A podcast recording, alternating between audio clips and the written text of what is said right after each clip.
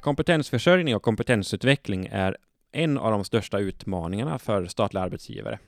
Att hitta nya sätt att arbeta med kompetensutveckling kommer att vara helt avgörande framöver.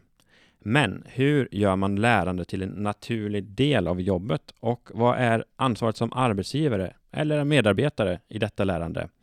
Detta är några av de frågor som jag hoppas kunna få svar på i dagens poddavsnitt. Så jag är därför glad att ha med mig Per Lager som tittat närmare på hur man kan få till lärandeprocesser på riktigt, rent praktiskt på arbetsplatsen. Och Per jobbar idag som senior rådgivare på uppdragsutbildning på Försvarshögskolan i Stockholm och har tidigare jobbat med frågan om lärande på Utbildningsdepartementet och Bergs School of Communication, för att ta några exempel. Han har också skrivit boken Upskill and Reskill, som vi säkert kommer komma in på. Själv heter jag Emil Lindström och är samtalsledare för Arbetsgivarpodden. Till vardags arbetar jag som arbetsmarknadsutredare på Arbetsgivarverket, som är arbetsgivarorganisationen för statliga arbetsgivare. Så hej du som lyssnar och hej Per Lager. Eh, du fick en liten presentation här i början. Eh, vad, vad har jag missat? Jag tyckte du hade en jättefin presentation och jag får börja med att säga stort tack att jag får, får vara med i er podd. Superroligt och ni har, en, ni har en extra viktig roll såklart när det handlar om det livslånga lärandet. Ehm, den här röda tråden i mitt liv har ju varit eh, lärande, utveckling och, och ledarskap. Och jag har försökt att själv byta lite branscher, byta lite fokus, byta lite roller. Det är ett bra sätt som funkar för mig att eh, lära mig nya saker. Både varit i regeringskansliet eh, och jobbat på Svenska Spel, ett statligt bolag. Eh, jobbat också då privat i Sifo Group, Observer och där jag faktiskt var med om den största enskilda lärdomen när ett företag går under på grund av att man inte hänger med. Och, och såna. Ehm, men nu då på Försvarshögskolan eh, där jag jobbar med eh, att stärka chefer, ledare, experter, bygga deras förmåga, jobba med deras kompetensutveckling för att klara av morgondagens kriser ännu bättre. Mm. Ja, men intressant. Ja, men då kör vi igång tycker jag. Skulle du vilja börja att, eh, förklara här termerna upskill och reskill? Eh, hur ska man liksom förstå dem? Livslångt lärande är ett fantastiskt begrepp och jag älskar det. Men det är också lite abstrakt. Så när World Economic Forum, där när världens ledare träffas där i Davos i januari, så, så myntade de för kanske 6-7 år sedan eh, de här två nya begreppen, upskill och reskill. Och det kom faktiskt från deras egen forskning om det som eh, som det som handlar om liksom industri 4.0. Eh, hur man kommer in i en helt ny fas av samhällsutveckling. Eh, och, och liksom den andra sidan av det myntet är att vi måste lära oss på ett nytt sätt för att mm. kunna hänga med, ställa mm. om. Och då tyckte de själva att det där med lifelong learning, det var just lite otydligt. Mm. För ungefär 50 procent av alla jobb och, och, och, roller som finns idag, som, som mm. vi känner till dem, de kommer att försvinna. Och då måste vi jobba med reskill. Alltså mitt i livet kanske både en och två gånger. Mm. Faktiskt eh, få ny kunskap och kompetens för att gå in i en helt ny yrkesroll. Mm. Men 50 procent av roller och, och, arbetsuppgifter kommer ju finnas kvar. Men de kommer förändras kraftigt. Och då måste vi jobba med upskill hela tiden på ett medvetet strukturerat sätt. Fylla på med kunskap. Och, och de här två begreppen tycker jag fånga lite, lite mer precis vad vi behöver jobba med. Så ska man se reskill som att man läser in något helt nytt medan upskill att man djupar sig inom där man, där man står för att man, man djupar sig då helt enkelt. Jättebra eh, förklarat. Om jag förstår rätt så tycker du att begreppet livslångt lärande är lite mossigt? Nej, inte moss tycker jag. Jag tycker det är lite abstrakt. Det är väldigt många gånger man ser både chefer, ledare, politiker och andra som liksom pratar om livslångt lärande är jätteviktigt, men man, man liksom blir svaret skyldigt. Man, eh, man blir inte precis. Mm. Man, man går inte ner och tittar på, på konkreta aktiviteter. Utan det blir något sådär område som alla tycker är jättepositivt, men kanske ingen riktigt vet hur man, hur man omsätter i praktiken. När man pratar om reskill, helt nya kompetenser, då blir det lite mer, lite mer allvar. Mm. Eh, och den där upskill-frågan, liksom att hela tiden på ett medvetet sätt och kanske inte bara då var fjärde år på en kursgård mm, mm. utan kanske varje dag eh, jobba med att eh, på ett fokuserat, medvetet, planerat sätt mm. fylla på med kunskap, för det behövs. Du pratar egentligen om att eh, eh, dimensionera upp lärandet. Att man ska lära, inte bara lära sig livslångt utan att också öka på takten öka tempot i det där. Ja, och jag skulle nästan ta ett steg till och säga så att ibland när man behöver sätta ljuset på ett område så kan det vara bra med nya termer som, som innebär att man får stanna upp lite och tänka till. För vi behöver uppgradera vårt sätt att jobba med lärande. Vi behöver jobba mer, alltså rent kvantitativt med lärande, tror jag. Och dessutom behöver vi jobba ännu mer kvalitativt med lärande så att det blir mer effektfullt. Mm, mm. Och det här med ständigt uh, lärande som du pratar om här, och det, pratar, det är något vi pratar om på Arbetsgivarverket väldigt mycket också. Vad händer om vi inte sysslar med ständigt lärande? Ja, jag tror att nog många har varit med om. Jag har ju varit med om det. Ja. Eh, på Observer. Vad hände där? Eh, nej, men vi jobbade med pressklipp. Mm. Eh, och sen kom internet. Och vi hängde inte med. Eh, vi var lite för stora, lite för framgångsrika, eh, lite för eh, onyfikna för att följa med vad som hände i världen utanför eh, och ha en diskussion om vad det betydde för oss. Så vi missade det tåget helt enkelt. Den omställningen där man istället för att klippa i tidningar sökte med sökmotorer på på nätet istället och sen levererar man länkar eh, i realtid till sina kunder som behövde omvärldsbevakning mm. istället för att leverera dem i kuvert mm. med pressklipp två dygn senare. Och um, det företaget finns ju inte kvar. Nej. Det var oerhört framgångsrikt, fanns i 13 länder, börsnoterat och allting. Men vi lärde oss alldeles för lite, alldeles för långsamt. Då är det bättre att vi har ett ständigt lärande för att undvika att hamna på den ruinens brant då, så att säga, om man får uttrycka sig. Ja, och det är precis lika viktigt på individnivå. Och nu pratar vi om den här eh, negativa sidan, eh, på att man ska behålla jobbet, mm. eh, behålla rollen. Men den finns ju också, om man vänder på det, det finns en positiv sida. Att man, man ökar sitt självförtroende, man minskar sin stress, man mm. öppnar upp för nya möjligheter på den befintliga arbetsplatsen eller går till en ny arbetsplats. Så att lärande har ju väldigt många positiva effekter. Nu började jag med att prata om de här jobbigt hårda negativa effekter, men jag tror att det får vi inte heller glömma. Nej, det, det är helt rätt. Menar du att alla yrkesgrupper behöver uppdatera sina, sitt lärande? Eller är det vissa yrkesroller som behöver det mer? Eller ska jag känna mig träffad? Ja, det ska du. Mm. Eh, det ska vi alla göra. Mm. Men det är lite olika. Eh, utvecklingen går inte lika fort i alla sektorer för alla roller. Och därför måste vi tänka till på vad händer i just min sektor, vår sektor och i min roll? Eh, och dessutom måste man lägga på det här med ambition. Om man är en organisation om man är en myndighet, eh, vill man vara i eh, lagom intervallen, det vill säga att ja, men man ligger ungefär på samma nivå som alla andra. Eller säger man att nej, vi har högre ambitioner. Vi ska vara en förebild. Vi ska gå framåt, vi ska innovera, vi ska utveckla. Då måste man ju lära sig ännu mer. Inte för att bli ifrånsprungen, utan för att springa ifrån andra. Så jag tror att både kalibrera hur förändringshastigheten ser ut i sin egen sektor med allt från ny lagstiftning och nya eh, beteenden hos användare och eh, digitalisering och AI och allt vad det är. Men också då lägga till sin ambitionsnivå. Och då tror jag man kanske får en liten eh, får ett litet eh, perspektiv på hur mycket vi faktiskt behöver arbeta med lärande och jämföra då eh, den bilden av hur mycket vi behöver och vill lära oss med hur mycket vi lär oss idag. Mm. Och så titta på det gapen. Eh, behöver vi stänga det? Vill vi stänga det? Och hur stänger vi det gapet? Går det att konkretisera det här något eller bryta, bryta ner på uh, till och med på antalet timmar man borde lära sig eller dagar per år eller så? Eller har det, ja, men det gör ju faktiskt det. Det gör det. Um, det här är svårt, ska vi säga. Det är väldigt svårt. Men det är fler och fler som tittar på, på det här området. Och World Economic Forum tycker jag kanske är lite ledande att sammanställa den forskning som finns i världen. Och för det första eh, trycker de fram också att den här halveringstiden av kunskap generellt i samhället ligger någonstans på 55 eh, år. Det vill säga det man, det man lär sig idag är bara värt 50 procent om fem år. Eh, och så vissa sektorer går mycket fortare, så halveringstiden är mycket mycket kortare, kanske ett år. Eller sex månader. Väldigt, alltså bara fem år är ju också väldigt kort tid, Ja, men jag. det är väldigt kort tid. Eh, och de har precis presenterat sin eh, stora spännande rapport som heter The Future of Jobs Report Mhm. 2023. Så den förra gången kom 2020. Mm. Och det är någonting som jag verkligen rekommenderar alla lyssnare att Mm. ladda ner. Bra För World tips. Economic Forum, de lever som de lär. De Mm. säger att kunskap är makt om man delar den. Mm. Och sådär. De har också satt en liten ytterligare tal och det är 25 dagar.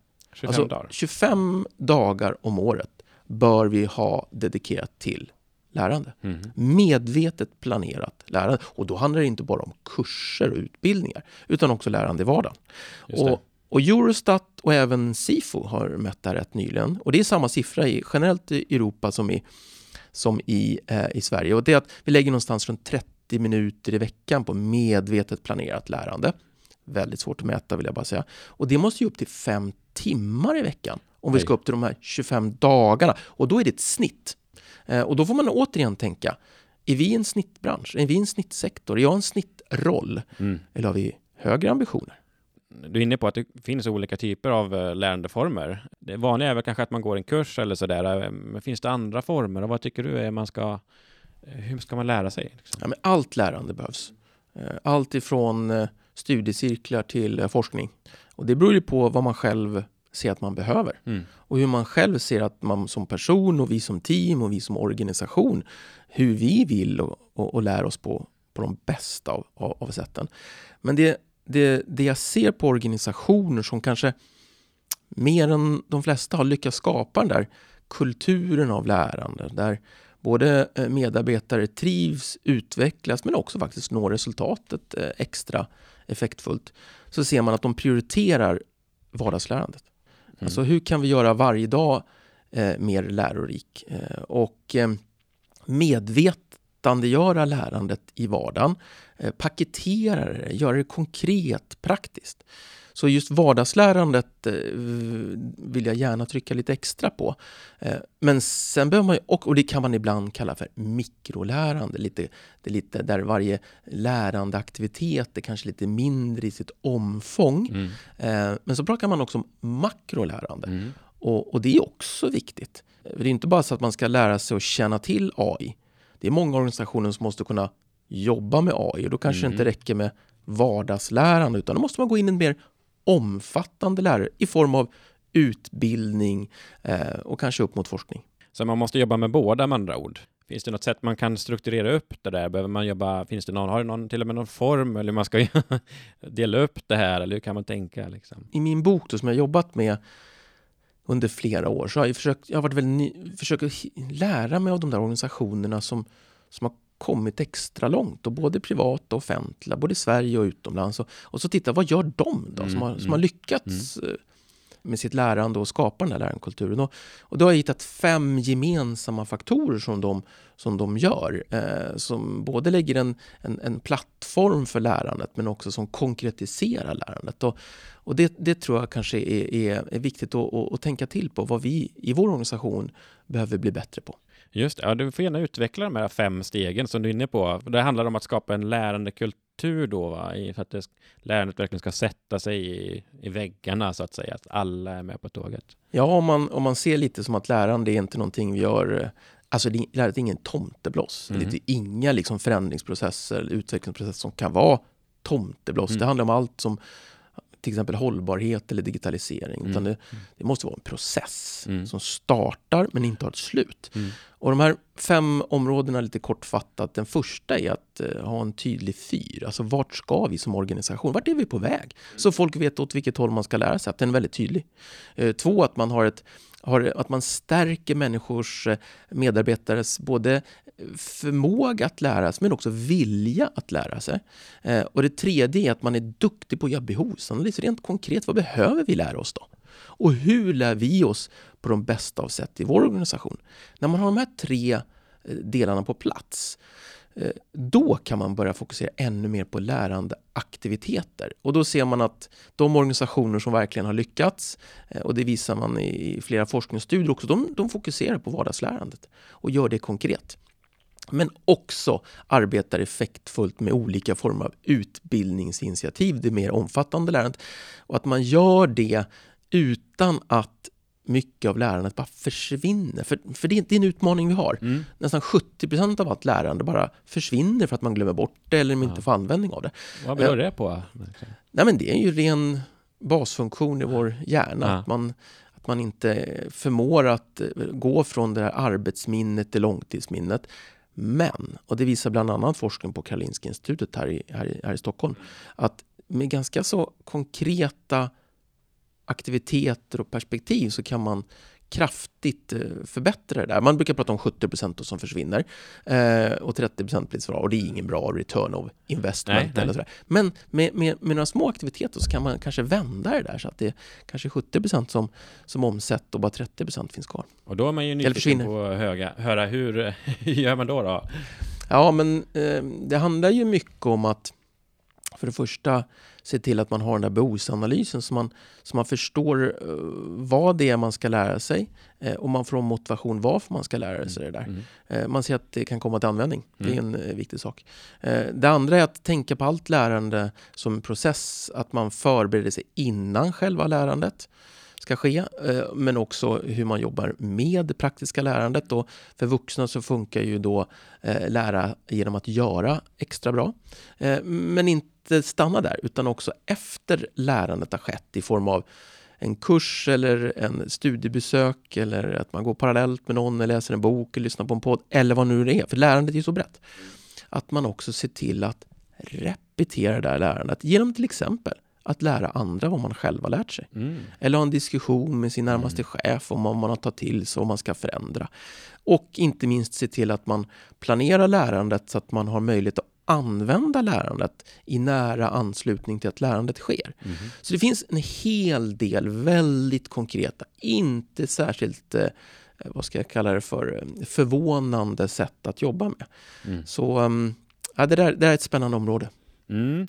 Jag tycker att det är lite intressant. Vi pratar, vi pratar ju mycket om det med lärande och, och många vill ju lära sig liksom i organisationer. Men och du, jag vet att du tittat närmare i din bok kring hur det kommer sig att man inte tar sig, liksom hur man, att varför man inte sätter igång helt enkelt. Eh, och då var tidsbrist en sån liksom, överordnad orsak liksom. Men hur, varför tar man sig inte eh, tid tror du och hur kan man komma runt det? Liksom? Det här kanske är en liten pudelskärna. Nu är det ju då tidsbrist inte det största hindret bara för lärande, utan det är ju för många andra saker. Eh, och det handlar om prioritering. Det handlar väldigt mycket om ledarskap, både om självledarskap, att få det där som man vill ska hända att hända, men också naturligtvis om ledarskap, att ge förutsättningar eh, för lärande. Mm.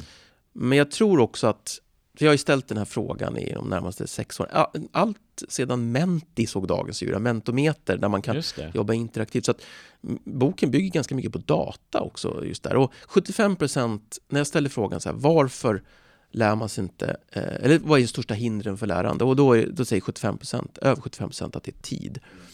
Eller prioritering och det är samma sak. Ehm, Men, men det är någonting som jag tror att vi måste backa tillbaka lite och zooma ut och tänka till på. Hur kan det vara så? För att många organisationer säger ju samtidigt att kunskaper är den viktigaste faktorn, området för oss som organisation. Ja. Ehm, och samtidigt så säger man att det är något annat som är viktigt. Så man hinner inte vara den där kompetensorganisationen. Mm. Ehm, och det där kan man ju fundera på lite. Vad sjutton beror det på? Mm. Eh, för man pratar om vikten av kompetens och lärande och så får man det inte att hända. Utan då är det något annat som är jobbet. Jag tror att man måste trycka väldigt hårt på att lärande, det är jobbet.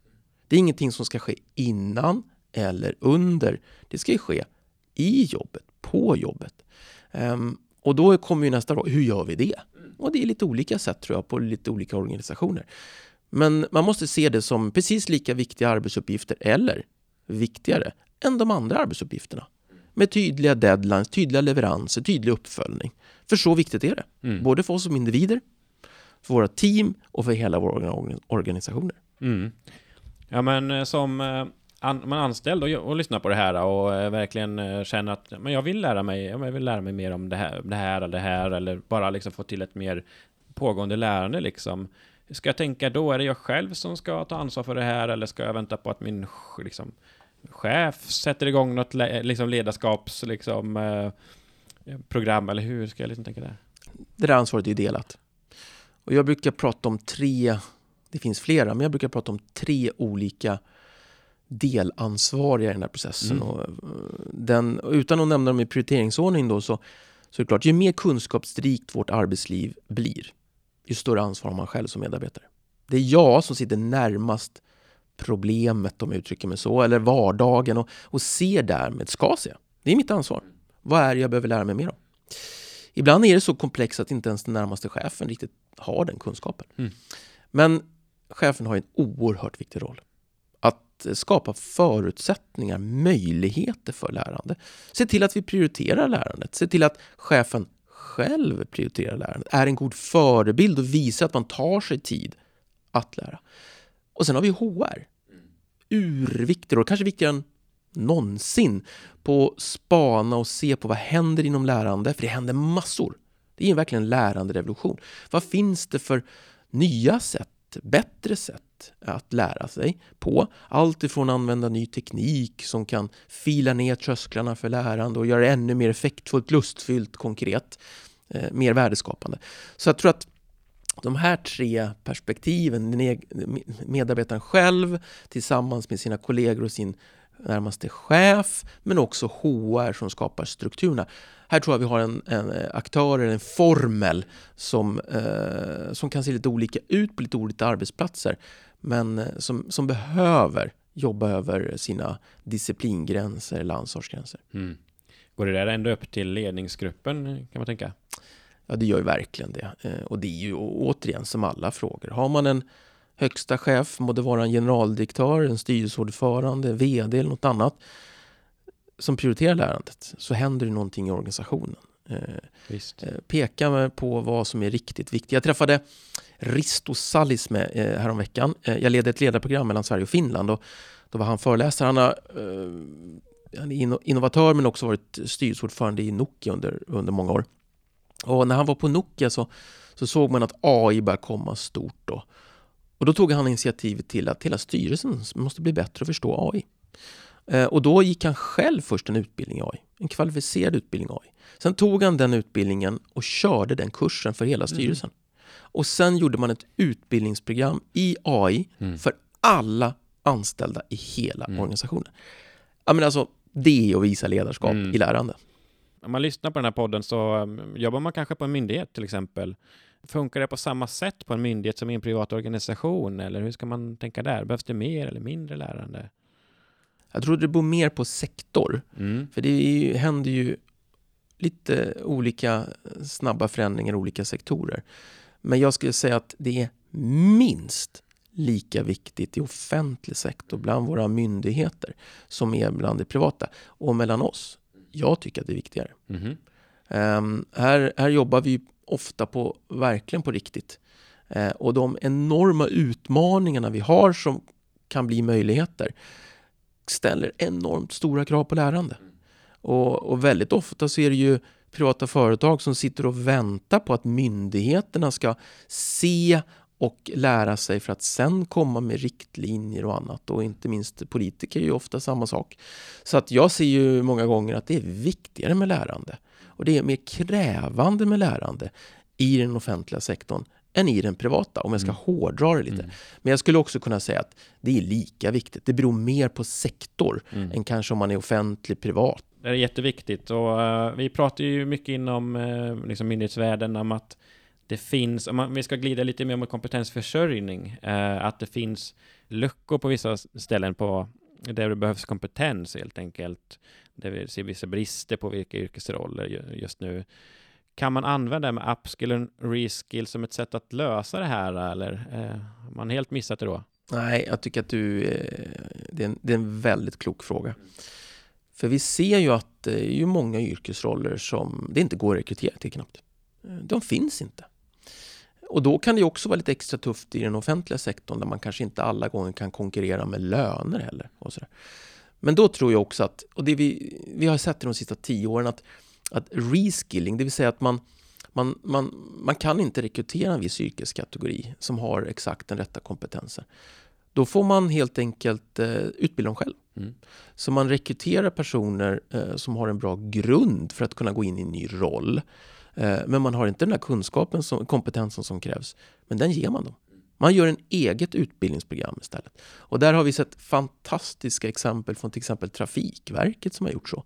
Som rekryterar personer med rätt inställning, rätt baskunskaper och sen så ser man till att stärka upp dem med ny kompetens så att de kan gå in i en ny roll. Och inte minst ser man ju att man kan göra en förflyttning av personer som har jobbat länge i en verksamhet. De känner verksamheten, de kan kulturen, de har kontaktnätet. Men de har inte rätt kompetens nu. Mm. För så mycket har förändrats.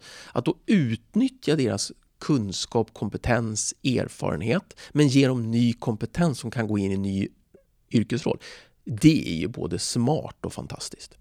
Just det, och eh, då slipper man kanske vara anställda på nytt som du var inne på förut. Då då har man det här ett ständigt, liksom ett ständigt lärande och uh, man, man riktar alltid blicken framåt istället. Och... Ja, och sen ska jag, nu pratade jag om reskill när man behöver helt nya mm. yrkeskategorier, vilket mm. är väldigt vanligt i, i, bland myndigheter också såklart. Uh, men det är också viktigt om man är om man är riktigt vass på sitt löpande lärande, det som jag kallar för upskill då. Eh, om man gör det på ett klokt, planerat, värdeskapande sätt som är riktigt effektfullt. Då innebär det att man snudd på vaccinerar sig mot att eh, ens yrkesroll försvinner. Eh, eller att man inte hänger med. För då blir det att en så här signifikant lärande mm. i vardagen eh, under några år mm. kan ju nästan motsvara att man går in i en helt ny yrkesroll några år senare. För så mycket har man lärt sig och utvecklat sig i sin egen roll. Just det, det blir så inkrementellt liksom. Och då det tänker jag, det här är ju jättebra för hela organisationen, för det är ju det är allas intressen. Ja, men alltså det är jättebra att du trycker på det. Eh, för det finns ju, det är det som jag, jag har jobbat med utbildning och lära nästan hela mitt liv och det finns ju få saker som är så genuint positiva på individnivå. Mm. Men också om vi ska vara lite eh, övergripande för oss som nation. Jag menar, det är ju, vi, att Sverige har varit så framgångsrika och toppar våra alla rankingar i kreativitet och produktivitet och inte minst i det välfärdssystemet har. Det bygger på att vi har varit riktigt vassa på att lära oss. Att jobba med omställning och ta till oss av det nya. Så att det är ju viktigt ur så många perspektiv. Du, jag har en fråga som jag måste ställa till dig. För eh, jag, jag lyssnade på ett seminarium där man eh, tog upp det här med AI, utvecklingen på arbetsmarknaden. Och där eh, fanns det en liten farhåga att eh, utvecklingen av, av AI kan eh, innebära att man kanske satsar mer på, på teknik än på personalen. Ser du någon liksom farhåga i, i det? Jag har ju varit aktiv i vår branschorganisation för, för utbildningsföretag i, i Sverige. Och och vi såg väl att eh, det är ju då väldigt mycket fördelaktigare avdrags, avdragsregler om man investerar i teknik eller en maskin. Eller om man investerar i sina medarbetares lärande. Så kan vi inte ha det. Det måste naturligtvis vara minst lika bra och fördelaktigt att investera i sina medarbetares kompetensutveckling som att investera i teknik och maskin. Det här är någonting som vi har med oss från början av industrialismen ehm, och det måste vi ändra på. Eh, det måste vi ändra. Och nu kommer det ju fantastiska initiativ som, som omställningsavtalet och, och, och, och mer saker. Eh, så att jag, tycker att, jag tycker att det är bra att, det, att man har identifierat att man måste stimulera eh, kompetensutveckling på ett helt annat sätt. Ja, då tänkte jag att vi ska glida in på uh, sist, vårt sista segment där som är snabbfrågor som vi har testat i ett, i ett, eh, ett poddavsnitt här tidigare. Så att här kommer du få uh, bara svara ja eller nej, Per, men du ska naturligtvis vara, motivera dig mm. sen, förklara vidare. Jag blir orolig. ska nog gå bra. Är du redo? Ja. Då ska vi se. Första frågan. Det är chefen som ansvarar för min kompetensutveckling. Ja eller nej? Mer nej. Mer nej? Mer nej. Hur tänker du Ja, men det är ju ett delat ansvar. Mm, och ju mer kunskapsrik man är i, på sin arbetsplats, eh, så mer, eh, hur ska jag uttrycka mig, eh, hur mer djupgående kompetens som medarbetarna eh, både besitter och måste besitta, ju mer ansvar har man ju som medarbetare. Men chefen har en otroligt viktig roll att vara det där bollplanket, att vara en katalysator för medarbetarnas lärande. Eh, eh, och att medarbetarna, man behöver någon att bolla med. Men eh, jag säger så här, jag skulle inte outsourca en av de viktigaste sakerna för mitt eget välbefinnande till någon annan än mig själv. Utan det ansvaret måste man själv ta. Men då måste det också finnas möjligheter att ta det. Eh, och, och, där har ju chefen och arbetsgivaren en jätteviktig roll. Och jag tycker att jag, jag, det är sällan jag blir upp, riktigt upprörd när, av en arbetsgivare som inte tar, skapar de möjligheterna. Men det handlar också om att inte bara ha de möjligheterna i teorin, utan också i praktiken. Mm. Mer nej än ja, men det är ett delat ansvar. Då tar vi nästa fråga. Eh, bästa sättet att lära sig att prata med sina kollegor, ja eller nej? Ja. När jag ställer den här frågan vad är ditt bästa tips på vardagslärande? Så kommer nästan alltid dialog, samtal med, medarbet- med kollegor upp som det kanske viktigaste. Eller att ställa frågor, att man ska ha en kultur på sin arbetsplats. Det är okej okay att ställa frågor, man mm. uppmanas att ställa frågor. Mm. Och hör och häpna, man lyssnar på svaren också. Mm. Så att eh, kollegorna är helt avgörande för att man ska kunna skapa den där lärandekulturen. Eh, så att rungande ja. Rungande ja. Det ser man. Sista frågan då. Den statliga sektorn är den sektorn som satsar mest på kompetensutveckling. Jag vet inte. Men jag säger så här. Jag säger ja, på ett sätt. Jag har bara en egentligen. Det här är verkligen jag inte expert på. Det är inget område jag tittar på, utan jag får gå lite på min intuition då. Mm. Men om man tittar på eh, en sak som ledarutbildning mm. så är det väldigt vanligt att man i privat sektor aldrig få en ledarutbildning, typ, fast man blir ledare och chef. Eller aldrig, väldigt mm. sent i livet mm. i alla mm. fall. Men där tycker jag att, att eh, offentlig sektor är mycket bättre. Eh, det är många eh, myndigheter som har som krav att man har gått igenom en viss form av ledarutbildning innan man får ta på sig ett ledaransvar. Där tycker jag att offentlig sektor är en förebild mm. mot annat. Och jag tycker ofta att man kanske är lite bättre på att eh, prioritera lärandet i offentlig sektor. Men jag måste sticka ut hakan här lite också och säga att ibland så tycker jag att man har för stor acceptans mm. för långa utbildningar när man mm. kommer från offentlig sektor. Mm. Jag ser en jätteskillnad här mellan privat sektor som säger så här två veckors utbildning, det kommer vi aldrig mm. kunna med. Det här måste kunna mm. göras kortare och mer effektivt och mer hybrid. Medan man kanske offentlig sektor tycker, men vadå, det här, det här måste ju få ta tid och Eh, det här ser vi som viktigt och jag får ta ledigt. Så jag tror att man kanske från offentligt håll kan faktiskt ställa lite tuffare krav på utbildningssamordnare att göra det rappare, mer koncentrerat, mer fokus på effekt. Tack så mycket. Och då börjar det bli dags att runda av. Eh, vi har idag pratat om upskill och reskill, eller livslångt lärande, och fått fler exempel på hur man kan jobba med ständig utveckling och lärande. Och en sak som jag tar med mig här, är det något som du var inne på i slutet här Per, är att alla roller har sitt ansvar, men det börjar med, med mig helt enkelt i, i det lärandet. Så stort tack Per för att du ville vara med här idag och dela med dig av din kunskap och dina tankar om det här med lärande. Jätteintressant. Men innan jag släpper iväg dig så har jag sista fråga. Vad vill du att man ska ta med sig som lyssnare av det här samtalet? Ja, ett par saker. Ett, vet ni hur mycket ni lär er på era arbetsplatser?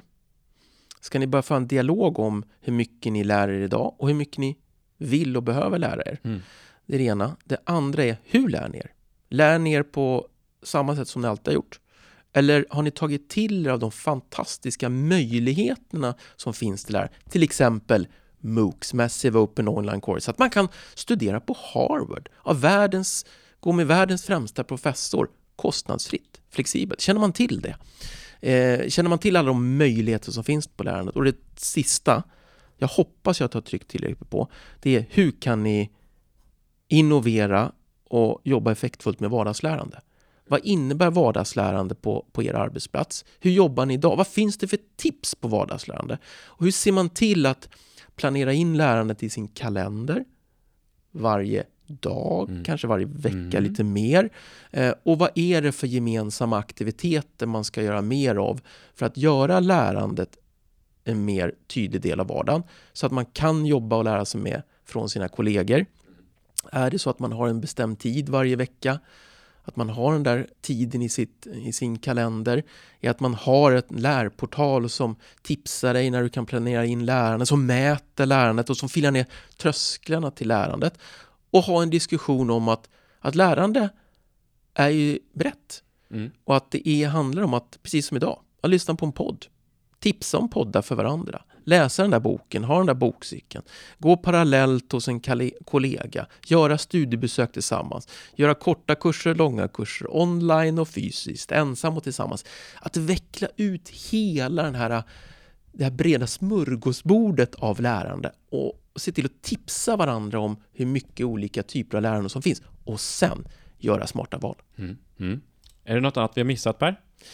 Oj, jag tycker det har varit en, ett jättetrevligt samtal med väldigt kloka och bra frågor. Eh, jag tror att det är lite extra utmanande i offentlig sektor med den där fyren. Mm. Vart ska mm. vi någonstans? Mm. Är man en privat företag så kan man faktiskt sätta den själv. Mm. Är man en myndighet så är det några andra som är med och sätter den där fyren. Typ lite, lite regleringsbrev och mm. lite riksdag och regering och, mm. och, och naturligtvis lite EU och lite annat. Men jag tror att det är viktigare än någonsin. Mm. Att hjälpas åt och försöka skapa den där tydliga fyren som blinkar långt borta på horisonten. Så alla medarbetare ser, ah, det är ditåt vi ska, det är åt det hållet jag ska lära mig saker. Bra, då kan jag prioritera bort lite annat och prioritera fram det som är riktigt viktigt. Mm, intressant. Stort, stort tack Per för att du ville komma hit. Det har varit jätteroligt och jätteintressant att uh, prata med dig här. Och jag säger tack till dig som har lyssnat. Vi hörs snart igen. Stort tack!